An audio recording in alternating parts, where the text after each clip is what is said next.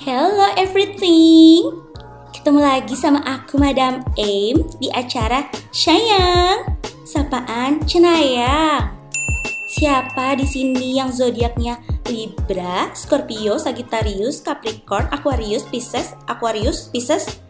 Eh, Madam M apa absennya dua kali? Udah pada nggak sabar ya pasti dengerin ramalan dari Madam Aim gimana saat putus cinta? Yang pertama, Libra. Stalks orang yang lagi deket sama mantan. Waduh, kayak agen FBI aja nih.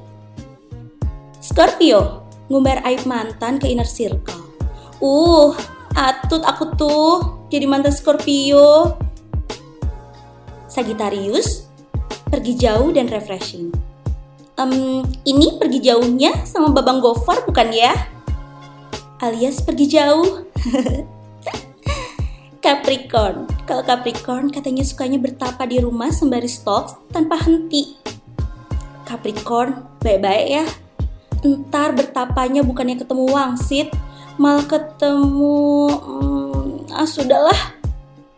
Kalau Aquarius, udah move on sebelum putus beneran. Nah, cakep ini, anaknya visioner banget. Kalau Pisces, doain mantan biar nyesel. Eh, Pisces, ini doain mantan biar nyesel putus atau nyesel nggak dari dulu aja putusnya. Oke, gimana ramal zodiak Madam Aim? Cocok nggak? Jangan lupa ya, nantikan ramalan Madam M lainnya setiap hari Sabtu dan Minggu. Dah.